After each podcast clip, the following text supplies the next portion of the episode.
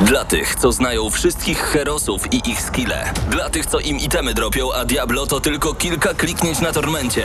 Dla tych, co ściągają heady z AWP w CS-ie. Dla wirtualnych czołgistów. Tych, co potrafią wykręcać kombosy powyżej 70% i juggle takie, że Heihachi, Kung Lao, Sagat i Goku byliby dumni. I dla tych, którzy nie mają pojęcia o czym mówię, ale lubią dobrą zabawę. Dla tych, co klikają i tych, co dzierżą pada, co na klawiaturach, joystickach i innych kontrolerach grają w gry wideo. Ta audycja jest dla Ciebie. Gramy na maksa w każdy wtorek o 21.00 tylko w Radiu Free. No i zobaczcie, właśnie jest wtorek, 21, jesteśmy w Radiu Free. Dzień dobry! Fantastyczni ludzie zebrani przed radioodbiornikami. E, Tu gramy na maksa. Razem ze mną Krzysiek Lenarczyk, Patryk Ciesielka, ja nazywam się Paweł Typiak. Czekajcie, nie, ja wyłączę tę muzykę, bo jest jedna rzecz, dla której warto żyć, to oczywiście muzyka z gier. Ja bardzo lubiłem, panowie, te czasy i tę muzykę z gier zaraz włączę, tylko nie Diego Gordo. Lubiłem czasy, kiedy przychodziły do nas soundtracki. Soundtrack kiedyś, pamiętam, razem z grą Halo 4 przyszedł do nas od Microsoftu i tam kawałek Awakening. I zacznijmy od tego kawałka. Więc jeżeli jeszcze, drogi przyjacielu, nie zdążyłeś nalać sobie herbaty i, i myślisz sobie, nie, gramy na maksa, się już zaczęło. Zdążysz spokojnie, proszę bardzo, Awakening z oryginalnego soundtracka z Halo 4.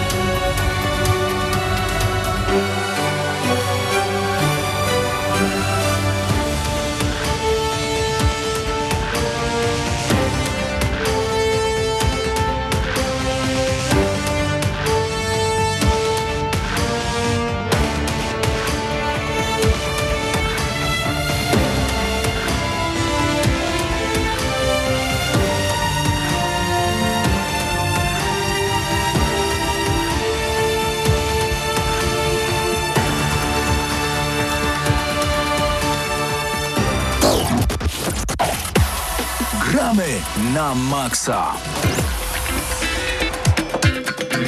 Sorry, że rzuciłem w ciebie e, płynem do dezynfekcji. Wracamy do muzyki z Tekkena 3. Raz jeszcze słuchacie audycji Gramy na Maxa. E, Musieliśmy zacząć dzisiaj od Halo 4, bo Halo Infinite jest cały czas na tapecie. Dużo osób się cieszy tym, że będzie model free to play i że będziemy mogli zagrać e, bez golda przez internet właśnie w tę grę. Niektórzy poszli nawet o krok dalej i już teraz mówią, że Microsoft powoli rezygnuje z golda i wycofując 12-miesięczną subskrypcję, tak naprawdę to jest pierwsza jaskółka, która może uczynić wiosnę polegającą na tym, że na nowej konsoli Microsoftu zagramy bez płacenia. Czy to będzie gwóźdź do trumny Sony? Specjalnie robię te cztery kroki do przodu.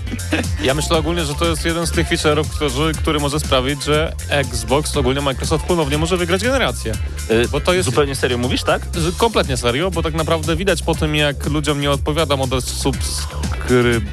subskrybowy, czy tak to ujmę? Subskrypcji, tak Model może. subskrypcji, jeżeli chodzi o granie online. Jak wiele osób pisze i narzeka na, na to, jak to wygląda o konkurencji. Zresztą zarówno w informacji, gdy pojawiły się plotki na ten temat z dosyć wiarygodnych źródeł w sieci, jak i dzisiaj przy okazji mm, nowego newsa od Xboxa, o którym za chwilę powiemy, widać o tym, że ludzie bardzo mocno doceniają, że postawa Microsoftu jest mocno prokonsumencka.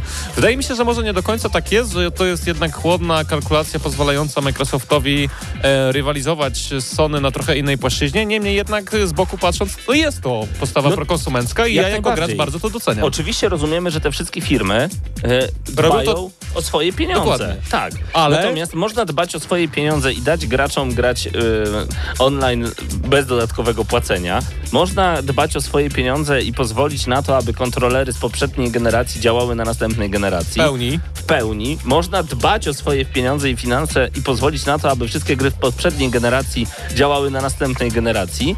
Co jest oczywiście wodą na młyn dla fanów PlayStation, którzy mówią, no tak, bo kontroler od Xboxa się w ogóle nie zmienił, a w DualSense to będziemy mieli haptyczne wibracje, moi drodzy. Będziemy mieli te wszystkie inne bariery, no, które będą wykorzystane przez półtorej gry i to przez sześć pierwszych miesięcy, a potem wszyscy o nich zapomną. Niech ja tylko, bo ja w ogóle zastanawiam się, moi drodzy gracze, dlaczego wy jeszcze dajecie się naciągać na tego typu bajerki i ficzerki? To jest najlepsze, że Sony sobie robi taką rzecz. Dajmy im haptyczne wibracje i sprawdźmy, czy się na to nabiorą. I wszyscy, aaa, haptyczne wibracje, ale czat, ale czat. Bo zobaczcie, w DualShocku 3, on jeszcze się nie nazywał DualShockiem 3, był Six Axis. Mówili, ale będzie, ale będzie, będzie Six Axis, będziesz ruszał, padem i się będzie ruszać postać. No i wykorzystało to z 6 gier. A potem zrobili DualShocka Cztery. 3, nie, jeszcze 3 wtedy. Y, też to miało, ale nic z tego nie korzystało. Su, super, brawo, Woo, ekstra.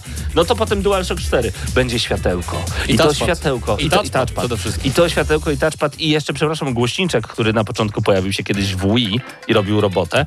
E, I, I to, słuchajcie, to będzie tak, będziesz dotykał gry, dotykał gry będziesz. Janusz, będziesz gry dotykał, ja ci mówię. No i to światełko to ci powie, czy biegniesz po mokrej trawie, czy nie po mokrej trawie. No i co, Janusz się tylko pyta, halo, czym się strzela, czym się podaje i tyle. Nikt tego nie korzystał. Infamous, Infamous Second Son. Najlepiej To- wykorzystany tak. touchpad w ogóle ze wszystkich gier. Touchpad i w ogóle odwrócenie tego pada i robienie tych wszystkich em, graffiti, to było rewelacyjne i potem każdy o tym zapomniał. Stawiacie, ile gier będzie korzystać z, tego, z tych haptycznych wibracji? Nie wiem, Do a, 10. ale, ale powiem ci szczerze, że wiem z czego to wynika. Prawdopodobnie Mhm. najnowszy DualShock po prostu będzie dużo lepszym kontrolerem. No będzie pewnie, Bo przede wszystkim ma e, e, bo się rozwija technologia. dużo lepszy kształt, przypominający ten od Xboxa oczywiście.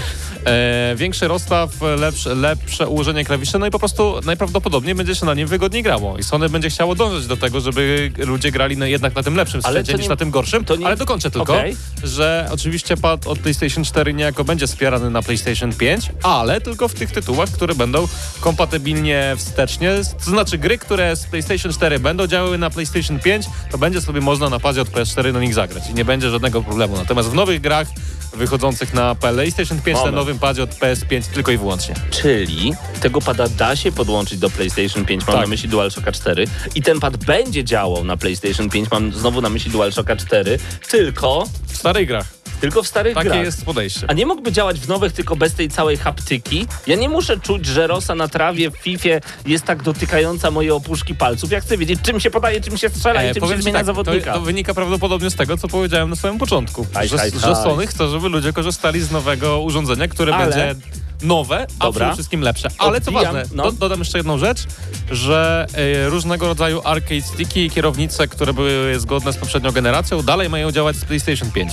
Ale które konkretnie i jak, to nie wiem, bo, bo się tym nie interesowałem. Wyszła jakaś oficjalna od Sony? Chyba nie. E, Coś tam ogólnie w internecie widziałem, że ludzie byli zachwyceni, To że na przykład dobrze. arcade będą działać. To bardzo dobrze, bo ja nad tym ubolewam. Słuchajcie, y, najtańszy arcade stick kosztuje 200 zł, nie ma tragedii, ale normalnie arcade sticki zaczynają się od 700 do ponad 1200 zł i zmieniać, a kierownicę od 1000 do 1600 zł. Zmieniać za każdym razem te akcesoria, no to bez przesady. Także okej, niech to będzie prokonsumencko. Ja jeszcze... ym, ja jeszcze tak chciałbym powiedzieć o takiej jednej rzeczy, bo można zagrać na nosie graczom i jednocześnie zrobić dobry PR. To znaczy zrobić zupełnie jak Microsoft, czyli powiedzieć wprost. Przez dwa lata nie musisz wymieniać konsoli i uciąć produkcję tej konsoli. Bo wtedy wszyscy powiedzieli, to po co mam kupować Xboxa Series X, skoro mogę sobie kupić Xboxa One S, Xboxa One X, które pewnie będą tańsze. Nie będą tańsze, bo ich przyjacielu nie kupisz, bo Microsoft przestał je produkować. To nie mogli zrobić tak samo, drodzy gracze, ja w imieniu Sony teraz. Drodzy gracze, oczywiście będziecie mogli zagrać na każdym DualShocku 4, jaki posiada, posiadacie w domu. Kupiliście sobie najbardziej kolekcjonerską, wypasioną edycję? Będzie działać w PlayStation 5. E, Pani Halinko, kończymy produkcję DualShocka 4. Pozdrawiam was, drodzy gracze. Nie dało się tak? Skończy ci się pad, skończy ci się bateria, przecież tam się zedrą te wszystkie gałki analogowe, przestaniesz grać na DualShocku 4 i Można tak kupisz było. DualSense'a. Ale mogę sobie e, dać teraz e, pstryczek w nos zielony. Dawaj. że Microsoft może sobie pozwolić na taką politykę, bo trochę tych Xboxów im zalega na magazynie. Mikel Ben pisze, Paweł znowu odpalony. Przepraszam, Mik, to dlatego, ja ci powiem dlaczego tak jest. Em, to dlatego, że wdałem się niepotrzebnie na pp.pl w kilka wojenek. Zresztą to się lubisz wdawać ostatnio O, z tego, co widziałem. Dlatego aż odinstalowałem Facebooka na swoim telefonie. Za dużo czasu mi to zajmowało, więc tak, jak najbardziej, jak najbardziej. E, Piotrek89 pisze u mnie na padzie do PS3 jest napisane DualShock 6 Axis, DualShock 3 6 Axis. Tak jest, rzeczywiście, on tam jakoś, jakoś, jakieś tam były sytuacje z patentem w międzyczasie na wibrację. Natomiast e, pogadaliśmy sobie o padzie, rzeczywiście powiedzcie mi, czy dla was to jest w ogóle ważne? Bo dla mnie osobiście za rzadko przychodzą do mnie znajomi, żeby pograć w multi, żeby to było dla mnie ważne, ale z drugiej strony za rzadko przychodzą do mnie znajomi, żeby kupować drugiego DualSense'a, skoro mam już na PS4 tego pada. Znaczy ja to generalnie jest, nie jestem zwolennikiem jakichś takich niesamowitych technologii w tych padach, bo wiemy jak to wygląda Jak to na, kończy. na przestrzeni, na przestrzeni lat, że tak jak mówiłeś, tam kilka gier ma obsługę tego wszystkiego, ale, Ale że to zapowiadane to było jak game changer. Jest, no to Teraz też zawsze tak jest. Wszyscy tak zapowiadają swoje sprzęty, nie oszukujmy się, Yy, ale jeżeli byłoby do wyboru, mogły być dwa pady do wyboru, ten z tymi wszystkimi featureami i taki jakiś zwykły bez tych feature'ów, który byłby tam załóżmy, nie wiem, stówę tańszy, dajmy na to. Ale nie byłby, bo by na pewno przestali go robić, tak jak Microsoft. No to... Ale to- nie, nie masz wyboru. W sensie w sklepie masz tylko DualSense'a piątkę. Nie, Nie, masz to- DualShocka już, bo się wyprzedał. Nie, no ja rozumiem, ja rozumiem, tylko mów, chodzi mi o to, że po prostu No. jakby było do konsoli dwa modele, Okej. nie? Razem z tą konsolą wyszły dwa modele. A, dobra, no niech będzie. Że jeden pad ten Tak fajniejszy... nie będzie, ale to tylko sytuacja tak, hipotetyczna. Tak hipotetyczna. To ja bym tak chciał, nie? To są moje takie marzenia. Bierzesz tańszy.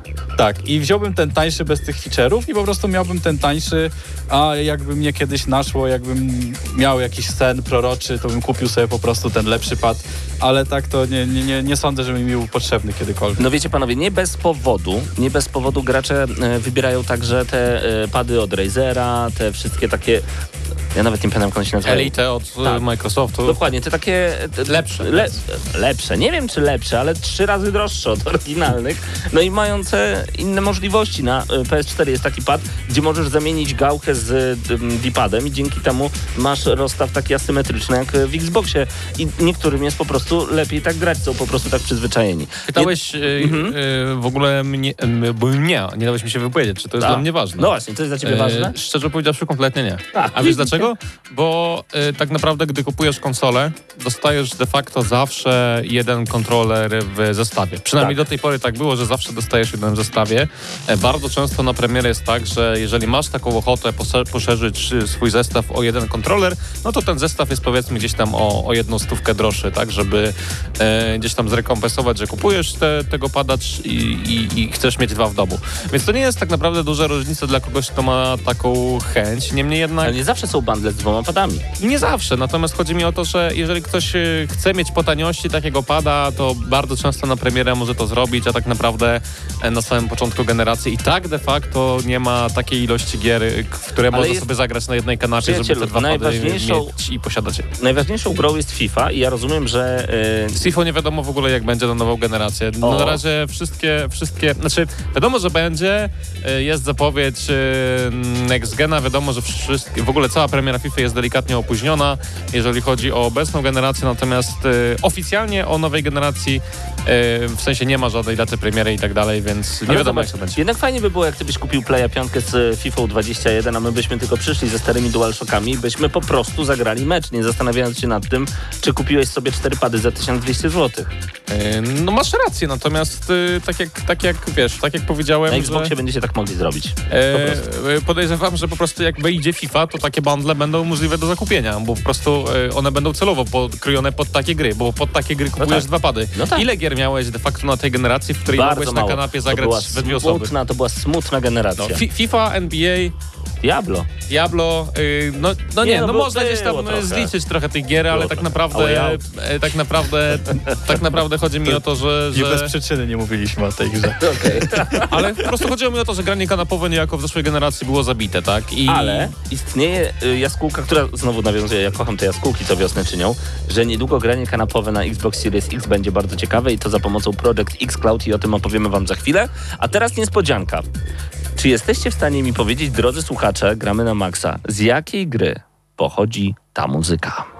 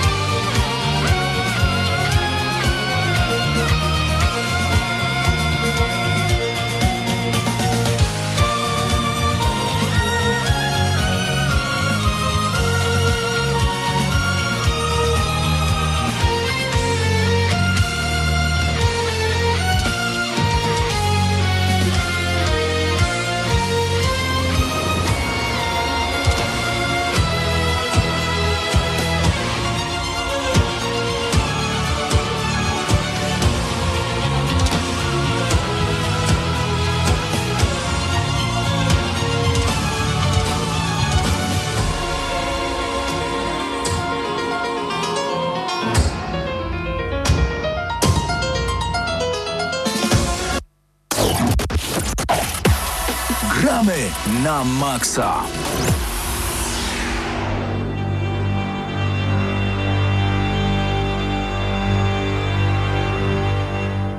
No i wracamy na audycję w tle. Muzyka z Ghost of Tsushima. A przed chwilą e, był fragment e, ścieżki dźwiękowej e, z Paper Mario The Origami King, e, czyli nowej produkcji e, na Nintendo Switch, która już wyszła jakiś czas temu i polecam, jeżeli macie Switcha, to e, przede wszystkim humor tam chyba jest najfajniejszy w tej, w tej grze, bo system walki trochę może dyskusyjny, ale jako całość godna polecenia. E, No ale zaczynamy recenzję Ghost of Tsushima. Właśnie dziękujemy za egzemplarz do recenzji e, firmie PlayStation Polska, czy Sony Interactive Ente- Entertainment Polska tak naprawdę.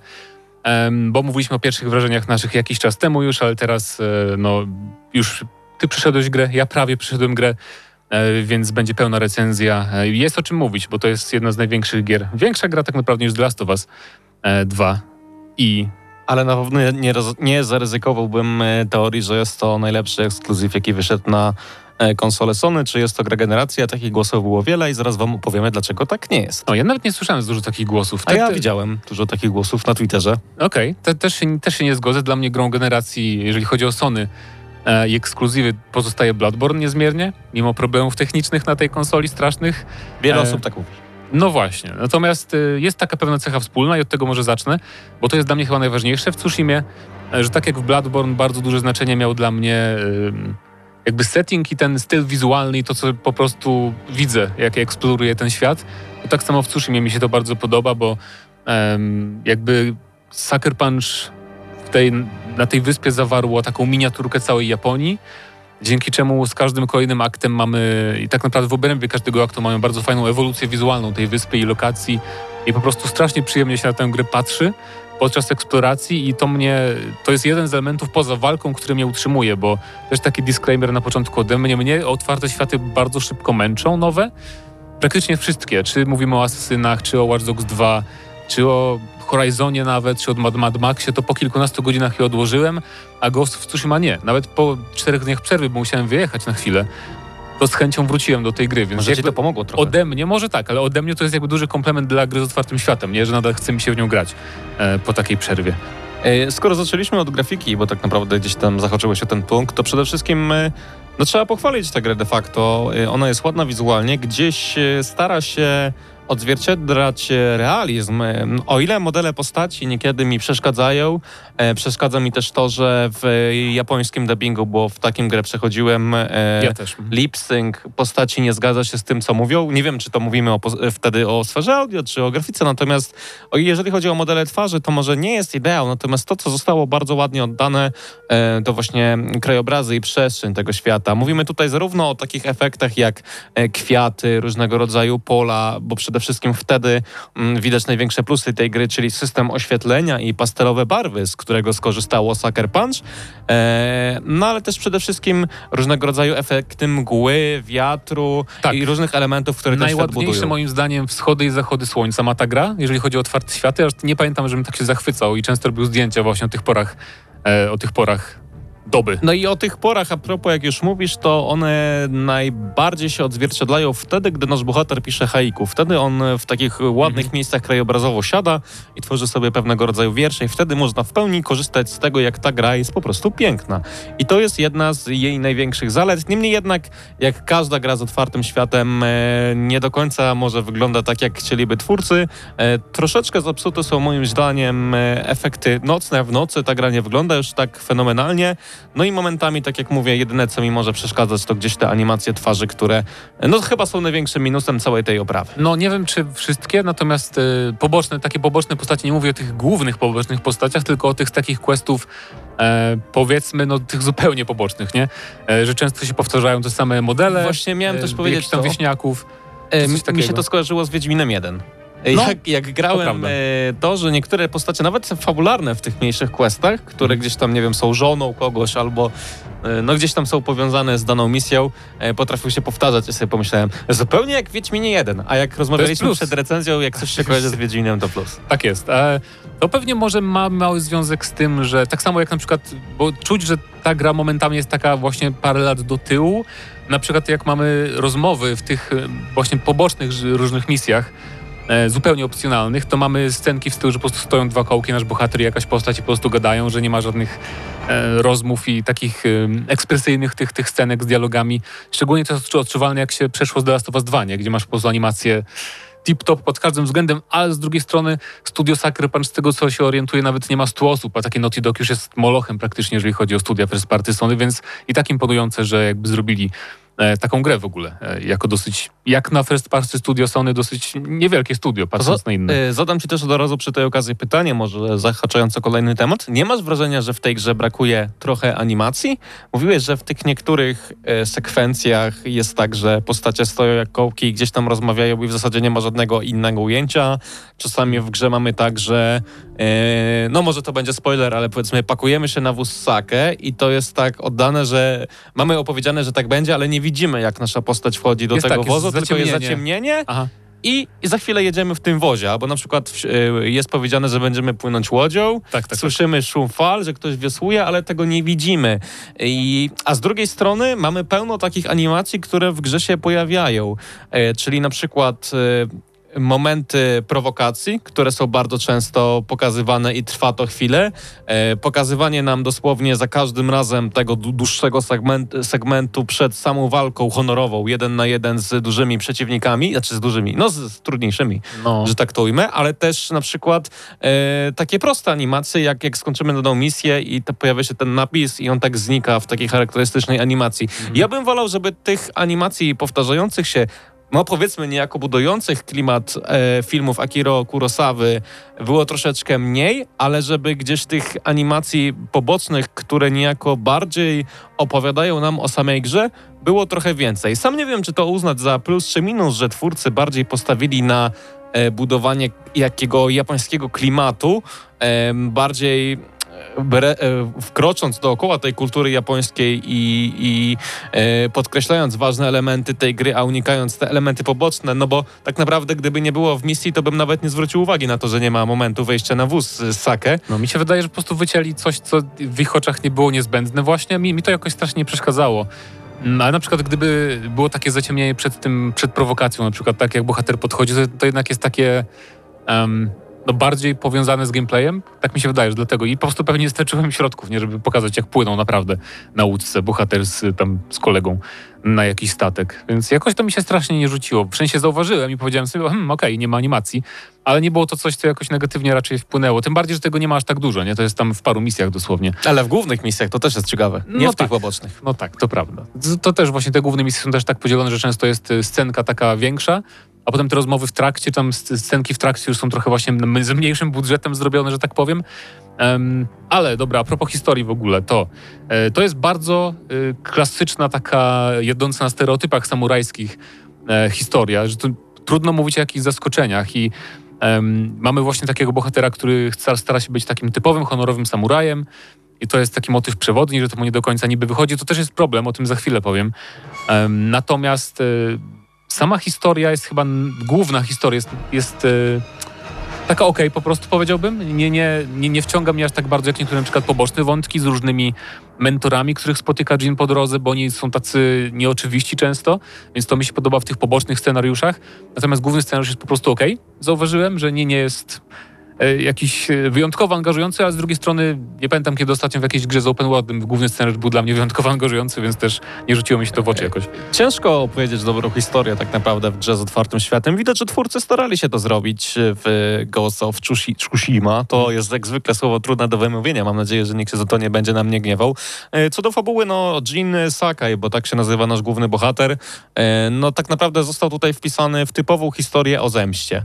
Oczywiście z japońskim z samurajskim klimatem, e, z pewnymi smaczkami moralnymi, e, niejako e, de facto podburzającym jego kodeks samuraja i jego podsycający jego konflikt wewnętrzny, który trwa de facto do samego końca.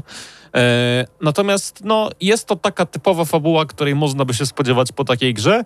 E, nie, uznał, nie uznałbym tego, że sz- sztampa na sztampie, jaka jest e, w, w głównej fabule, jest tutaj minusem. No po prostu jest to ok.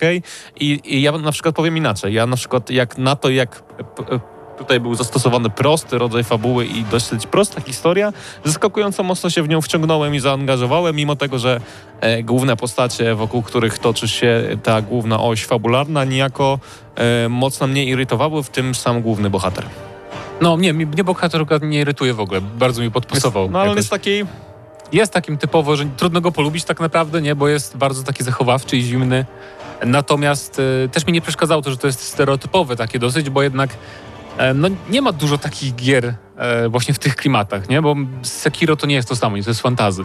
Czy jakieś tam inne gry, które powstawały, one nie były jakby takie stricte realistyczne. Tu też mamy pewne drobniutkie elementy fantastyczne, które można, ale to są zupełnie poboczne rzeczy, więc mimo wszystko to są takie, no stereotypy z tych filmów tam samurajskich typowych przeniesione na ekran, e, na ekran, na, na, na konsole i komputery. To powiedzmy chwilę jeszcze o tych historiach pobocznych, bo gdzieś zahaczyłeś o to. Mhm. One niejednokrotnie, e, bo tak naprawdę przechodzimy ścieżkę każdego ze swoich głównych e, towarzyszy. To znaczy możemy ją przejść i to nie jest tak, że jeżeli jakieś ścieżki poboczne nie skończymy, to powiedzmy e, bohater poboczny się nie pojawi, nie pomoże nam w jakiejś misji albo odwrotnie, czy na przykład jeżeli skończymy wątek fabularny, to nie będziemy mogli tych misji wykonywać, tylko możemy je robić w dowolnym momencie. No i każda powiedzmy osoba, każda postać poboczna ma taką jakby swoją własną historię, wokół której toczymy i poznajemy e, zarówno nasze relacje z tą postacią, jak i właśnie tą postać.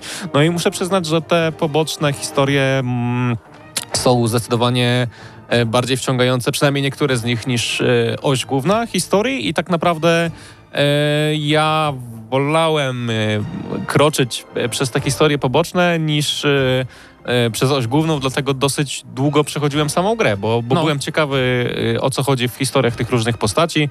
E, No nie wiem, czy mogę tutaj zaspoilować, ale de facto moją ulubioną postacią poboczną była i tak Yuna, e, mimo tego, że jej wątek poboczny był najkrótszy z tych ona wszystkich jest, to, możliwych. jest, to jest pierwsza taka historia, nie, którą poznajemy. E, ja się tu zgodzę na, na pewno. E, te historie takie pobocznych tych naszych towarzyszy są e, mniej oczywiste na pewno i mniej przewidywalne niż główny wątek i to chyba ma też duże, duże znaczenie, że nawet jeżeli zaczyna się nam taki wątek poboczny z jednym takim mistrzem łuku, to wydaje nam się, że to będzie też typowa taka samurajska historia, ale okazuje się, że nie, że on jest jednak coś, co jest podejrzanego, e, więc e, faktycznie to też odciąga skutecznie od wątku głównego. Natomiast e, jeżeli chodzi o też postępy fabularne, to z biegiem czasu odblokowujemy sobie, y, są trzy takie główne regiony, bo Tsushima to jest tak naprawdę niby archipelag, chociaż to na mapie wygląda jak jedna duża wyspa, tam z drobnymi takimi przerwami, ale odblokowujemy pierwsza, to jest ten pierwszy duży region, potem mamy drugi duży region i trzeci duży region na samym końcu, więc jest taki wizu- wizualny progres, ale w każdym momencie możemy też wracać do e, tych miejsc, w których już byliśmy wcześniej, tym bardziej, że Mongołowie tam wysyłają E, powiedzmy, że wyczyściliśmy już pierwszy obszar, przeszliśmy do drugiego. Okazuje się, że ten To wszystko główny, od nowa. tak, że główny, znaczy nie do końca, ale główny dowódca Mongołów wysyła wojska, żeby tam okupowały wioski w tym regionie, który już niby przeszliśmy, więc mamy powód, żeby tam wracać, bo na przykład możemy potem odblokować jakąś nową zbroję, tak, bo nam, jeżeli uratujemy parę wsi, to dostaniemy, skompletujemy klucz, który nam pozwoli zebrać jakąś tam legendarną zbroję. Która wcale nie jest taka dobra, jakby się mogło wydawać. nie jest, aczkolwiek ja zauważyłem, że niestety, znaczy niestety, w sumie to jest fajne, że bardziej wyposażałem te zbroje, które mi się podobały wizualnie, niż te, które miały tam statystyki konkretne, więc to było spoko. A propos pancerzy, też mi się podoba to, że jakby tylko, ym, tylko nasz pancerz na korpusie ma znaczenie dla statystyk. Możemy sobie wymieniać dowolnie opaski, na przykład jakie Czapki. mamy czapki właśnie, czy maski. E, więc to mi się podobało. Zabrakło mi tylko takiej opcji, że można było, wiesz, tak jak jest w MMO, że możesz sobie przypisywać statystyki jednego przedmiotu do jakby wyglądu innego, nie? Że można to było, było tak trochę, bo czasem się okazuje, że jak chcesz być specjalistą w jakiejś dziedzinie, to musisz wyglądać jak jakiś tam żebrak totalny w jakiejś, jakiejś szmacie. Zaraz do do- tego wrócimy, czy w tej grze opłaca się być specjalistą, bo tak naprawdę Ale powie- zanim, powiedzieliśmy jeszcze- już o grafice, powiedzieliśmy o fabule, Tak, i o powiedzmy o fabule. samej rozgrywce. O fabule może. jeszcze muszę wrócić na moment, e, bo zacząłem mówić, że powiem o tym. Aha, o dysonansie. O, tak, taki jest pewien dysonans, bo tutaj e, jakby głównym elementem fabuły głównej, masło maślane, jest to, że e, Konflikt nasz, moralny. jest konflikt moralny bohatera i też, że mentor bohatera niepokoi się o niego, że e, Jin em, walczy w niehonorowy sposób. Zbacza tak? z drogi samuraja. Zbacza z drogi samuraja, a tu y, natomiast ja grałem całą grę jako samuraj. Ja nigdy się nie skradałem, poza tym tam momentem, gdzie uczą cię skradania, że musisz tam kogoś zabić ciosem w plecy. Nawet jak były takie misje, że musisz zachować ostrożność, bo martwisz się o zakładników, których zaczną zabijać, jak się nie będziesz skradać, to i tak się nie skradałem, bo chciałem, chciałem być honorowym samurajem, nie? E, A potem w cutscence, i nie tylko on, tylko tam też inni mentorzy ci zwracają uwagę, że o, ty walczysz jak nie samuraj, ty, ty, ty skradasz się jak duch. E, I to było takie trochę jednak mm, mnie bolesne, ale takie odczuwalne, że przecież ja tak nie grałem wcale. Rozumiem, że to jest fabuła, która się prowadzi, jakby to nie jest RPG, tak, więc musieli to tak poprowadzić, ale trochę mnie to tak, no, odczułem. Ale wiesz, jest wiele elementów, które burzą ten, e, powiedzmy, to poczucie imersji. Nie tylko to, o czym mówić, chociaż de facto fa fabularnie gra nas zmusza w pewnym momencie do, do e, zachowań niesamojrajskich Mhm. i no, niektórych misji nie da się przejść na, na Rambo, jak ty to ująłeś przed samą recenzją, ale też e, wiele rzeczy na przykład jest takich, że na przykład zrobimy jakoś rzecz, odblokujemy jakąś kapliczkę czy coś takiego, a nie wiem, dosłownie 15 minut później jakiś wieściak nam mówi, ej, tam Jean, zobacz, tam y, 10 minut drogi ode mnie jest kapliczka, którą mógłbyś odwiedzić. Mimo tego, że zrobiłeś to wcześniej. Tak, I- tak. i- Są, są takie elementy, na przykład też jest tak, że są takie główne bazy Mongołów, do których nie możesz praktycznie wejść, jeżeli nie odpalisz misji. jakiejś misji nie przejdziesz. Na przykład ja y, chciałem wejść do takiej bazy, bo, bo tam był stojak bambusowy, tak? Takie jedne z znajdziek. No to wejdę sobie tam, jak już tu jestem. Okazuje się, że nie. I nawet w tym momencie strzelały do mnie po prostu strzały same z siebie, z wież, bo tam nie było łuczników, bo ich już zabiłem łukiem. A i tak po prostu leciały we mnie strzały, materializowały się z powietrza, bo gra ci nie pozwala tam Tak wejść. to samo jak takie... y, widzisz wyrwę w murze, przez którą przechodziłeś tysiąc razy i akurat w tym konkretnym przypadku nie możesz tego zrobić, bo nie rozpocząłeś konkretnego questa. No, No, i więc- widać, że tutaj Sucker Punch jeszcze musi, mimo tego, że de facto jest ich to najlepsza gra, którą No wydali ale ja, do to, tej ja to pory, jakby rozumiem, tylko po prostu trochę. Yy, No bo to jest zrozumiałe, nie? Bo jakbyś zabił cały ten obóz, wyczyścił przed główną misją fabularną, to potem tak znowu by tam, o, pojawili się nagle, w ogóle nagle wrogowie, więc trochę to rozumiem, ale jednak to jest taki... W Assassinach tak było. E, tak? No Tak. proszę, no proszę. Za mało grałem, bo mnie nudziłem po jakimś czasie. Ale jednak no, to, to, im- to jest troszkę odczuwalne, jak nie idziemy główną linią fabularną i nie jakby robimy dużo rzeczy poza. Ale tak, chciałeś teraz przejść do... Do samej rozgrywki, no bo tak powiedzieliśmy o, powiedzieliśmy o grafice, o, o, powiedzieliśmy troszeczkę o audio, powiedzieliśmy o, o, yy, o fabule, No, co ale roz, rozgrywka to tak naprawdę walka tylko, nie? Bo tu ma, mamy oczywiście jazdę konną, tą eksplorację, trochę wspinania się, No jest to, to są... typowa gra e, typu open world i ja powiedziałem to w pierwszych wrażeniach, powiem to i teraz. Ja przez całą grę de facto nie mogłem się pozbyć wrażenia, że gram w kolejną część serii Assassin's Creed.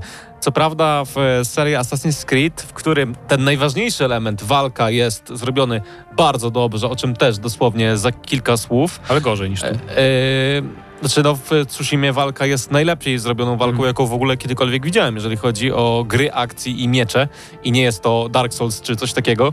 Natomiast e, ten element taki parkouru, element wspinania się jest zrobiony dużo gorzej niż Assassin's No tak. Creed i to jest to, co gdzieś tam te gry wyróżnia, natomiast podstawy, czyszczenie obozów, nawet gdzieś tam mamy e, zdobywanie mm, wież, tylko tu jest tak, że nie synchronizujemy świata, tylko te wieże musimy zapalić, tak? Ale no, to, to, działa jest na rzadko, to podobnej... jest dosłownie tam No tak, ale jest w tej No, grze i tak, wiele tak. elementów gdzieś tam się pokrywa, więc jeżeli ktoś Jasne. lubi serię Assassin's Creed, to na pewno tutaj odnajdzie się mm, jak tylko może. Y, Mamy też e, pewne drzewko umiejętności, które pozwala nam rozwijać Gina i zarówno tutaj w jego bloku, w unikach, w czterech sterach walki, e, o czym za chwilę, oraz w tych umiejętnościach miotanych, granatów i różnego rodzaju tego typu rzeczy. No i po prostu mm, no, możemy wykonywać pewne e, czynności w tym otwartym świecie, właśnie jak odblokowywanie e, tych gorących źródeł, jako przykład podam, ale też oczywiście możemy wykonywać misje różnego rodzaju, które powiedzieliśmy wcześniej, no i Tak, albo ratowanie wiosek na przykład. na takie tam. przykład. Więc je, jeżeli ktoś grał w Assassin's Creed, to tutaj odnajdzie się Przy czym jak tylko ja się da. powiem, e, że mimo wszystko to mnie mniej przytłaczało, nie czułem się mniej przytłoczony niż w Asasynach, nie? Bo w Asasynie otwierasz mapę i masz ten miliard ikon, jak sobie czujesz, że o matko, jak tego dużo, a tutaj ta gra tak dosyć stopniowo przed tą to odsłania te aktywności. Na przykład musisz porozmawiać z jakimś wieśniakiem, coś tam podsłuchać i dopiero wtedy te ikonki się pojawiają i to mi się podobało. Bo to jest szczegół kosmetyczny, ale jednak wpłynął na to, że mi się No i świat nie jest dużo mniejszy taki- niż No tak. w grach serii Assassin's Creed i warte też odnotowanie jest to, że gra, gra nas nie przytłacza, bo de facto HUD gry jest y, no, zminimalizowany, jest bardzo, ograniczony. często znika zupełnie na przykład podczas eksploracji. No i, i nie mamy y, tego miliarda znaczników, o których Mhm. wspomniałeś, tylko na przykład musimy podążać za wiatrem albo za y, y, złotymi y, ptakami, które Tak. prowadzą nas do pewnego to, konkretnego propos- momentu. I co a- ciekawe, jeszcze tylko dokończę, że to też jest wytłumaczone fabularnie. Dlaczego konkretnie y, ten rodzaj ptaków Tak. i wiatr nas prowadzi do konkretnego miejsca. I oczywiście widzieliście pewnie na gameplayach te takie podmuchy wiatru charakterystyczne. Z czasem w ogóle przestałem ich używać, bo co? jakby zauważy, zauważamy, że jakieś tam drobinki, jakieś pyłki i tak troszeczkę z tym wiatrem podążają, więc nie potrzebujemy aktywować tej smugi takiej chamskiej dosyć, nie, która jest taka bardzo wyraźna, więc się nauczyłem już na przykład, widzisz, po prostu patrzysz na trawę, ona się lekko przychyla tamtym kierunku, okej, to tam muszę jechać, więc to mi się też podobało, że jakby środowisko ci trochę podpowiada, gdzie masz iść, e, bez tego już nawet wspomagacza tej takiej linii wiatru właśnie. No ale tak, walka. Walka jest najważniejsza. Spędzamy najwięcej czasu na niej. Specjalnie dlatego, że jest Tak najważniejsze. jest. e, I nawet faktycznie po już tych dwudziestu paru godzinach praktycznie można mieć wszystkie umiejętności odblokowane i te wszystkie cztery postawy. E, bo postawy walki odblokowujemy zabijając dowódców, dowódców różnych obozów, czy tam grup oddziałów, które spotykamy gdzieś w świecie. I żeby odblokować na przykład już chyba ostatnią postawę, to musimy zabić tam, nie wiem, z 11 chyba tych liderów. No, coś takiego. Mniejsza o to. W każdym razie zabijamy tych e, super silnych Mongołów, żeby odblokować nowe postawy walki. Jedna jest skuteczna przeciw tarczom, druga przeciw włóczniom, wiadomo, no, papier, kamień, nożyce. E, I mimo wszystko, że to wszystko już miałem odblokowane, to i tak mi się przyjemnie cały czas grało, bo takie właśnie samurajska jest ta walka, jak w żadnej innej grze, nie? że jednak widać tutaj, że oni, bo tu mamy tylko katanę, nie mamy tu innych broni. W sensie mamy łuk, oczywiście mamy tam tą poboczną, ten sztylecik, ale nie ma tak, że wymi- wymi- wymieniamy, wymieniamy sobie bronię na jakieś włócznie, topory czy coś, tylko jest, ta gra jest zaprojektowana pod katanę i to widać, nie? bo animacje, hitboxy trafień są tak idealnie zrobione, że po prostu nie, nie, nudzi, nie nudzi mi się w ogóle to patrzenie na, na, tą, na tą walkę wizualnie jakby i dzięki temu chce mi się nadal grać, mimo że już jakby nie jest trudno nawet, nie? W pewnym etapie. E, Jest tutaj de facto najlepszy feeling e, walczenia e, bronią białą, jaki kiedykolwiek widziałem w grach. Na pewno Może- w open world. Może przesadzam, ale ja mam takie wrażenie, że nie widziałem gry, która dawałaby mi większą satysfakcję i na przykład wiadomo, że nie jest tak, że mamy pełną kontrolę nad Jeanem i, i on robi wszystko to, co my chcemy, ale gra sprawia takie wrażenie, że Mm. Jean dosłownie odczytuje nasze ruchy padem. E, mamy oczywiście cztery postawy, które działają trochę jak kamień, papier i nożyce, to znaczy konkretny styl walki kontruje konkretnego przeciwnika i to jest tak, że w trakcie walki musimy się przełączać tam pomiędzy stylem, który kontruje tych, co mają tarczę, albo włócznie, gdzie na przykład e, ostatni styl włóczni, ostatni poziom stylu włóczni pozwala automatycznie kontrować ich ciosy. Mamy też oczywiście kontry i bloki, co też dodatkowo mm, daje, daje nam zwiększa możliwości. To ciekawe dynamizuje walkę, bo przez to, że mamy wiele tych styli, każdy z tych styli kontruje, musimy się przemieniać i przez to, że e, przeciwnicy często nie kolejkują się i nie czekają na to, że a jeden nas bije, to reszta się patrzy to, i to z czeka. czasem się na szczęście, bo na początku trochę jednak tak są spokojni, ale potem właśnie atakują kilku, w kilku naraz i to jest fajne. E, Na pewno. No to to dodatkowo właśnie zwiększa taką satysfakcję i feeling podczas tej walki i to jest jeden z tych elementów, który nie nudzi się do samego końca, mimo że e, no, tych czyszczenia różnego rodzaju obozów, jeżeli chcemy wymaksować Gina jest całkiem dużo. No i co mogę więcej powiedzieć? I akurat systemem walki jestem urzeczony. Ja też i to mi- mówię, dlatego, dlatego, bo ja zazwyczaj w takich grach próbuję się skradać, na przykład w Asasynach, Ale nie? po co w tej A tutaj ten system walki jest tak świetny, że po prostu w ogóle mi się nie chciało bawić w skradanie. Chociaż też może być przyjemne, ale nie wiem nawet, bo chyba raz się skradałem. tylko, nie Skradanie e, mogło być troszeczkę lepsze. Wiem. Skradanie, tak jak Mateusz Widus na plusie zaznaczył, widać podczas skradania, że przeciwnicy mają bardzo wąskie pole widzenia. Możesz bardzo ich tam zachodzić i oszukiwać, żeby...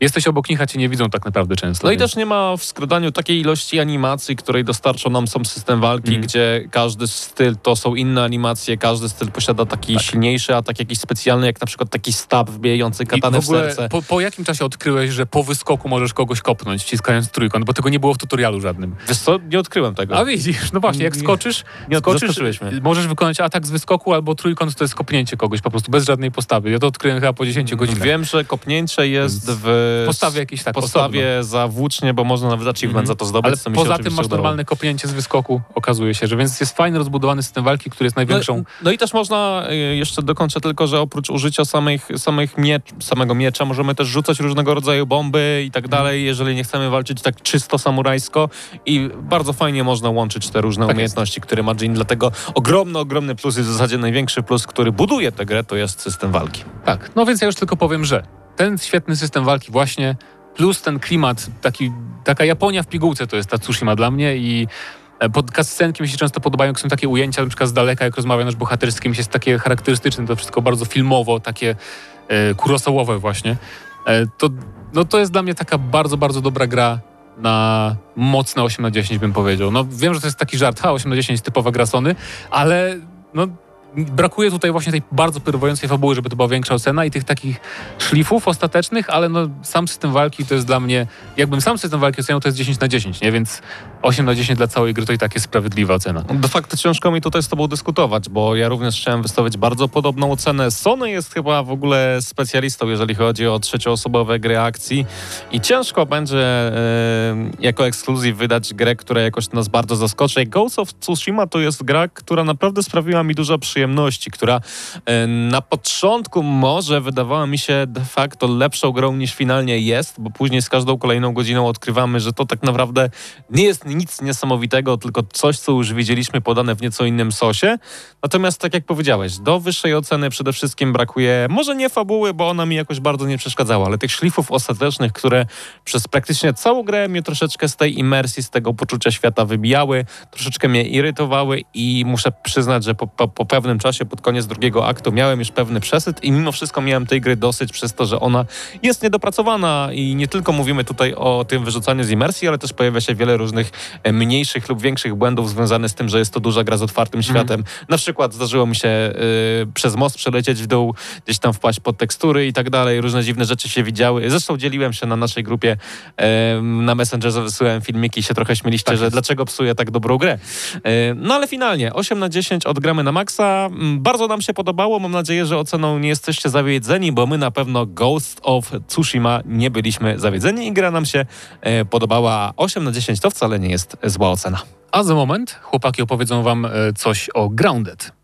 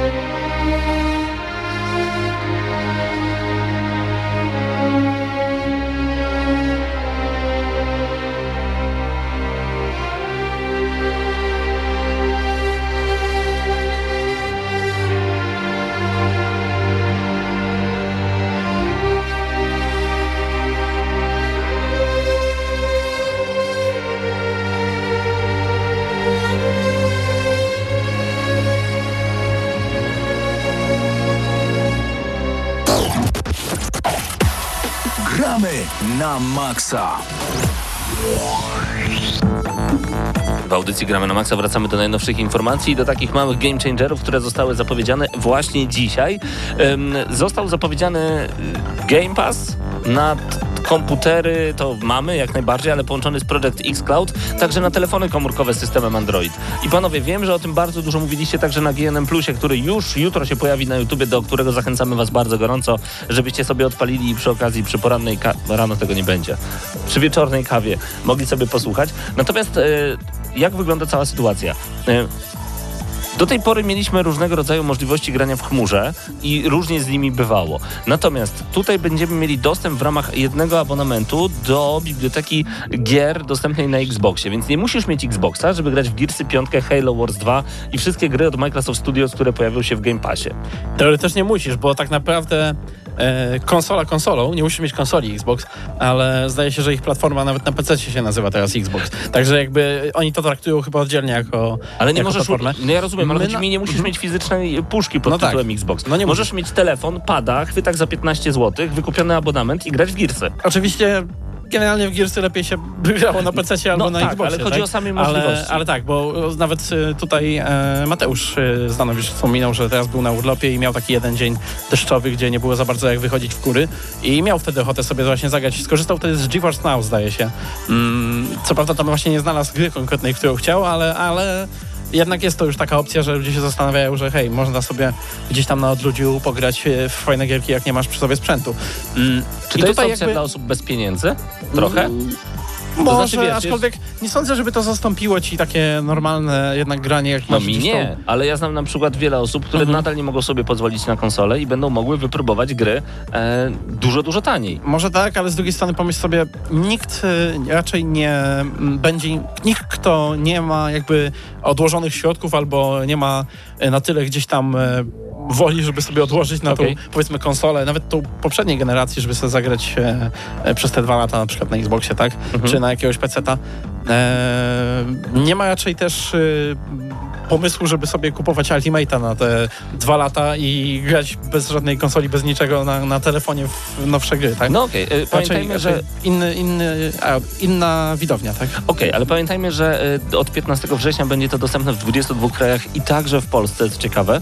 Nie zawsze byliśmy wymieniani na, y, że tak powiem, jako te pierwsze kraje, które dostawały, znaczy te kraje niektóre już mają te y, opcje, ale tu jesteśmy tak naprawdę w pierwszej grupie. Disney Plus może się uczyć. Bo... O, zdecydowanie. E, to, to plusem jest to, znaczy tak, minusem jest fakt, że nie wszystkie gry z Game Passa będą dostępne w Xcloudzie, czyli nie będziemy mogli wszystkiego sobie streamować. Plusem jest to, że wszystkie z Microsoft Studios e, mają być dostępne i wszystkie kolejne, które będą wychodzić w dniu premiery, będziecie mogli sobie spróbować na telefonie. Więc wstajesz rano, odpalasz sobie telefon, grasz w Gearsy. Niekoniecznie musisz posiadać pada, bo też widziałem, że Hellblade i Gearsy między innymi mają mieć sterowanie. Ale od... uczciwie jest powiedzieć, mhm. że wydaje mi się, że tutaj bez pada raczej za dużo nie uzyskasz z Ale tego Xclouda. Studia pracują nad tym, żeby też dostosować mm. twój telefon do grania y, w te gry, duże gry właśnie na telefonie. No, może, kwestią... studia, może studia Microsoftu, bo raczej no, żadne te no party tak, nie. Okay. Nie, no dobrze, dobrze. Oczywiście ja nie mówię, że wszystkie gry będą to miały, e, ale będziecie mogli, wiesz, potem pójść i pójść do taty do pracy, to teraz mówię do tych najmłodszych, odpalić na słabym kąpie w pracy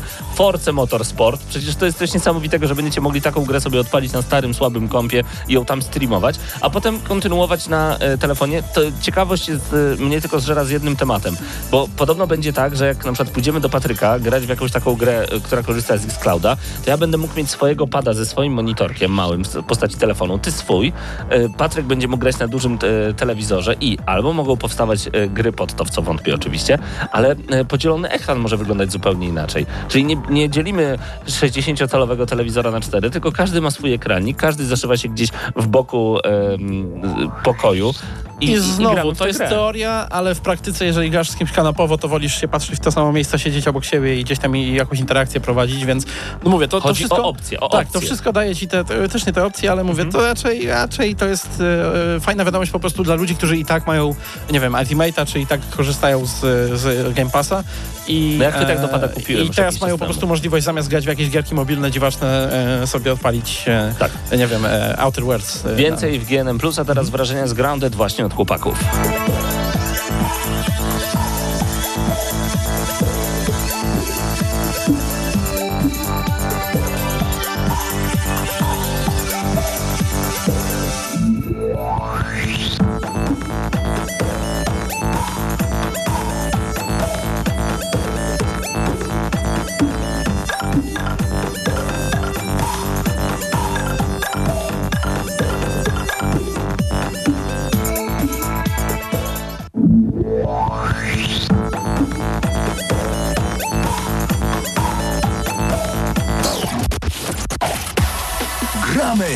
Na maksa.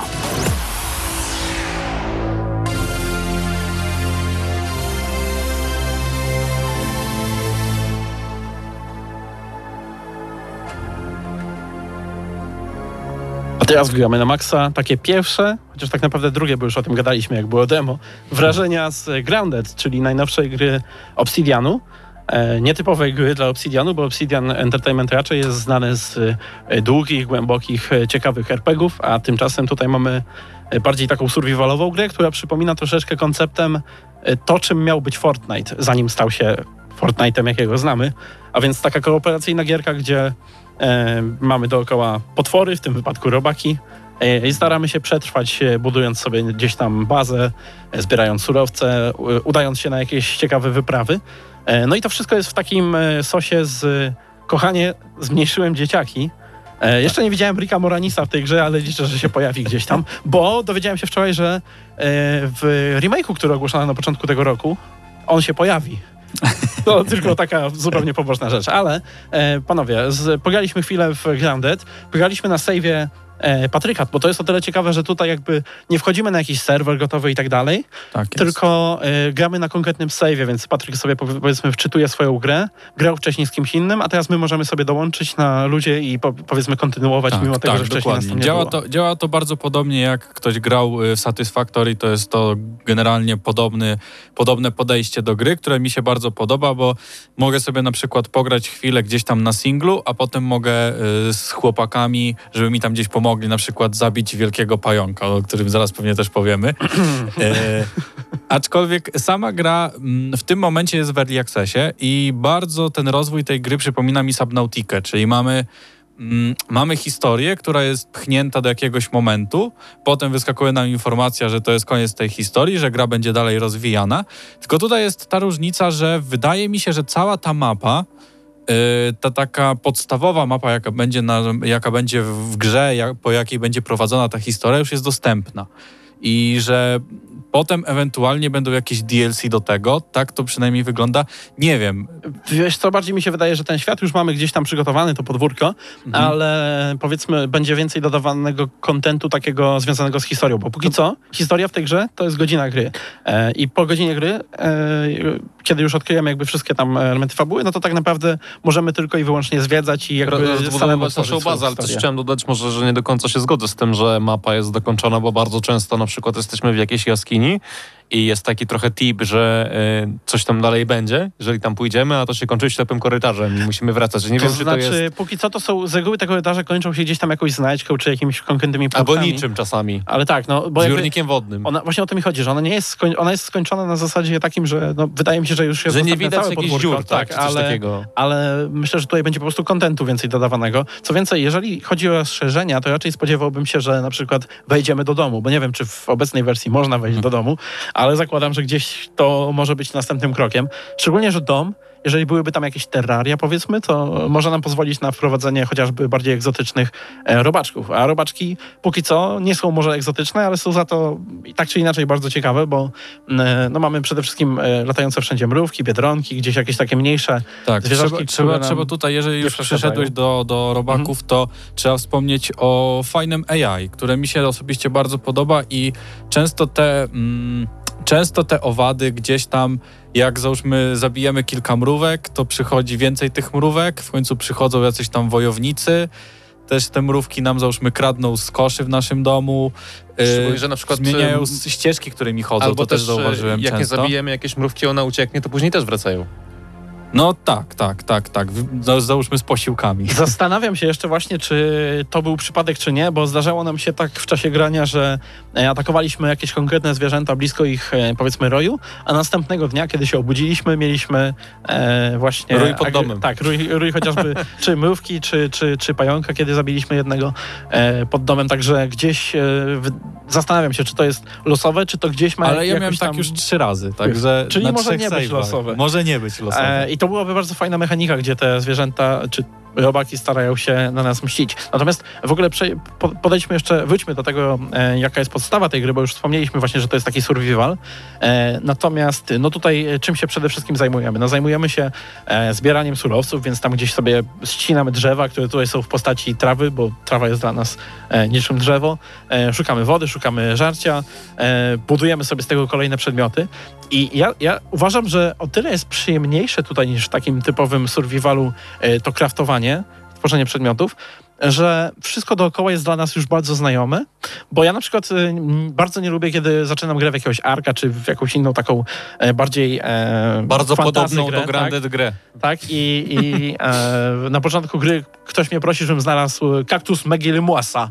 E, I to jest jakiś dziwaczny przedmiot, dziwaczna roślina, która wygląda jakoś tam sobie i nie, nie mam pojęcia, czego mam szukać, jak mam tego szukać. Nie chce mi się szukać tych wszystkich dziwacznych przedmiotów. A jednak tutaj, jak widzę, że mam znaleźć żołędzia, to trochę pewniej się czuję, bo wiem, gdzie go szukać. Mam, domyślam się, że będzie gdzieś blisko drzewa, na którym Masz jakiś mniej więcej obraz, jak żołądź wygląda. Tak, i to zaskakująco bardzo e, przyspiesza taką rozgrywkę i pomaga w niej. E, inna rzecz, że przedmioty takie, wiesz, te, te wszystkie przedmioty codziennego użytku mają taki urok, stają się takimi e, punktami widokowymi, gdzie tak naprawdę idziesz sobie tylko zobaczyć, jak ta puszka z bliska wygląda, jak, jak wejdziesz na te grabie, co tam z góry zobaczysz. Albo na przykład zobaczysz kartonik po soku pusty i wokół którego możesz wypić kropelkę tego soku z tego kartonika i on też tworzy pewien punkt Lub, e, nawigacyjny na mapie. lub jak zacytuję e, tutaj Krzysia, ja nie będę tego pił, to jest zielone. Także o, o, o tyle, jeżeli chodzi tutaj o eksplorację, no to ona moim zdaniem jest dużo przyjemniejsza właśnie niż w podobnych tytułach z tego względu, że mamy e, tą znajomość tego, co nas otacza. No ale właśnie też a propos tego AI, tu się zdarzają bardzo fajne sytuacje, bo jak wspominaliśmy już, e, pająk się pojawił pod naszym domem, no więc pewnego razu utłukliśmy pająka tutaj we trzech. E, Mateu, e, tfu, Krzysiu już poszedł e, sobie e, spać, my też już się zbieraliśmy spać, tylko tam ostatnie rzeczy e, chowaliśmy do, do e, naszych e, kuferków i nagle otwieram drzwi, a przed drzwiami wielki pająk, który rozwalił nam w ciągu kilku sekund e, pół domu i musieliśmy zjewać we wszystkich kierunkach. I to wszystko jest tak dynamiczne tutaj, tak mi się to podoba. Co ciekawe, to jest e, gra robiona przez mały zespół dosyć, bo tam chyba zdaje się 12 czy 15 osób z Obsidianu nad tym siedzi. E, więc e, zastanawiam się, czy w związku z tym, że to się okazało zadziwiająco popularne, czy Microsoft da trochę więcej kasy na ten projekt, e, żeby powiedzmy przyspieszyć jego produkcję, bo mam wrażenie, że to może być taki duży hit dla tej konsoli. Ale za dwa lata.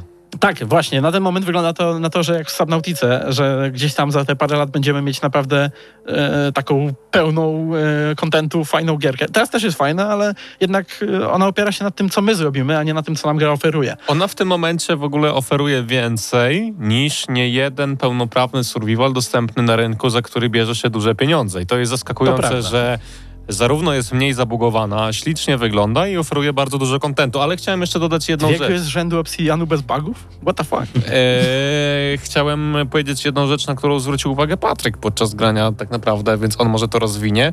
O tym, to może od razu tak narzucę ci temat, a ty dokończysz, że e, co widzisz, gdy... Albo co myślisz o tym, gdy widzisz, że gdzieś daleko za horyzontem rusza się trawa? Aha, no to, to tak, to jest dość fajny, fajny koncept. Yy, taki, to Paweł też wspominał, że to jest jak w Jurajskim Parku, tak? Widzimy, że widzimy, że coś zaczyna się tam trząść w tej trawie i w tym momencie mamy świadomość tego, że to coś na pewno będzie chciało nas zjeść, Niekoniecznie. to coś, to coś jest duże. Tak. Albo po prostu to biedronka. To są to- trzy możliwości. Ale to jest o tyle, bo to jest fajne, bo jakby sama koncepcja świata, że wszystko, że jesteśmy mali, sprawia, że mm, łatwiej jest animować pewne rzeczy, bo na przykład zrobić drzewa, żeby się w ten sposób ruszały, tak, byłoby mamy ciężko tam i byłoby to liście, wymagające. Mamy tak. wszystkie A gałęzie tu mamy i tak po prostu pojedyncze źdźła, źdźła trawy. One wyglądają jak trzeba, poruszają się jak trzeba, kiedy się coś obok nich porusza. E, no ale nie wymaga to też jakiegoś niesamowitego kompa, żeby, żeby to widzieć. Więc e, no tutaj Grounded sobie zaskarbia punkty. Zobaczymy, czy będzie to dobrze rozwinięte. Mam nadzieję, że do końca roku to już będzie taka naprawdę e, Szczególnie, że jest to wersja 01.2.168, jak tutaj mam na podpowiedzieć, więc naprawdę jest to wersja bardzo, bardzo wczesna. Ale też chciałem dodać, że gra też ma jeden z bardzo duży plus, który może pomóc stać się jej hitem. Gra jest przystępna dla każdej osoby. Gra de facto nie ma, nie będzie miała ograniczeń wiekowych ze względu na treść, która jest w tej grze, bo tak naprawdę, Dzieci giną w tej grze. no tak, ale, Ale tylko Jest, troszkę. jest mówione, że giną, jest napisane. ale wiesz, zginęło. Chodzi mi e, w pewien sposób e, o to, że w jakiś sposób nawet można w tej grze zawrzeć treść edukacyjną, jeżeli Obsidian będzie chciał to zrobić. I e, na pewno dla potencjalnego rodzica, który będzie chciał gdzieś tam pokazać tego typu grę swoim Mhm. dziecku, to będzie wolał pokazać mu Grounded niż na przykład Arka, gdzie go zjedzą dinozaury na miejscu. Wątpię, że. na- Nadal wątpię, że jakiś rodzic będzie chciał pokazać survival E, swojemu no, dziecku. znam osoby, Ale, ale wygląda, ale ten survival, to też nie jest powiedzieliśmy, bardzo jak on sympatyczny. wygląda. Jest on, bardzo sympatyczny po prostu z wyglądu. on, on przypomina trochę y, Plants vs. Zombie y, graficznie i to też jest takie, nie wiem, no krwi tam nie ma. Wygląda bajkowo. Znaczy, to krew robaków to nie krew. Dobra, Nie oszukujmy się. panowie, panowie, mamy Tak. już e, trzy minuty po czasie, więc musimy się niestety zwijać, ale No prawda nie, jest no, taka, że o Grounded, Grounded. o Grounded jeszcze sobie zdążymy pogadać, bo A na pewno jeszcze zdążymy na pewno, pograć. tak, planujemy jeszcze tam wrócić. Zresztą planujemy wrócić do innego tytułu Microsoftu, ale o tym za tydzień. Zobaczymy, jak nam się uda. E, a tymczasem e, będziemy już chyba na dzisiaj kończyć, bo Ale jakbyśmy mieli wystawić ocenę z... e, nie wystawiajmy wystawiamy oceny grze, która ma 10, Ale- ale, która ma jedną godzinę. Ale chcieliśmy na pewno wystawić dużą okejkę dla Grandet i na pewno będziemy śledzić poczynania tego projektu, bo ja na przykład jestem bardzo pozytywnie zaskoczony tym, jak ta gra wygląda w tak bardzo wczesnej fazie jej produkcji. Warto sobie e, ogarnąć na Game Passie.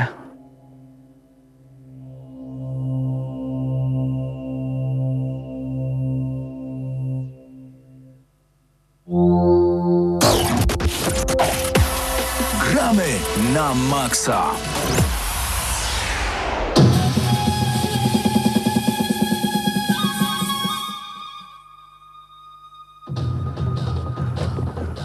To by było na tyle, jeżeli chodzi o dzisiejszy GNM, więc żegnamy się już z wami na dzisiaj. E, byli z wami Paweł Typiak, Patryk Ciesielka, e, Mateusz Zdanowicz też tutaj był, ale już go nie ma. E, Mateusz Widut, który dzisiaj e, nam tutaj wszystko realizował. Był z nami też Krzysio e, Lenarczyk oraz byłem ja, Paweł Stachyra. Dziękuję. Do usłyszenia. To był dzisiejszy tydzień. zespół Gramy na Maxa. Do usłyszenia wkrótce. Cześć!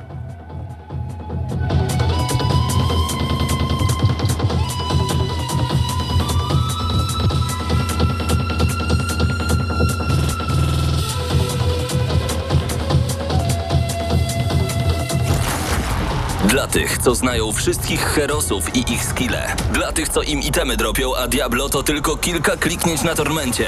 Dla tych, co ściągają heady z AWP w CS-ie. Dla wirtualnych czołgistów. Tych, co potrafią wykręcać kombosy powyżej 70% i juggle takie, że Heihachi, Kung Lao, Sagat i Goku byliby dumni. I dla tych, którzy nie mają pojęcia o czym mówię, ale lubią dobrą zabawę. Dla tych, co klikają i tych, co dzierżą pada, co na klawiaturach, joystickach i innych kontrolerach grają w gry wideo. Ta audycja jest dla ciebie. Gramy na maksa w każdy wtorek o 21.00 tylko w Radiu Free.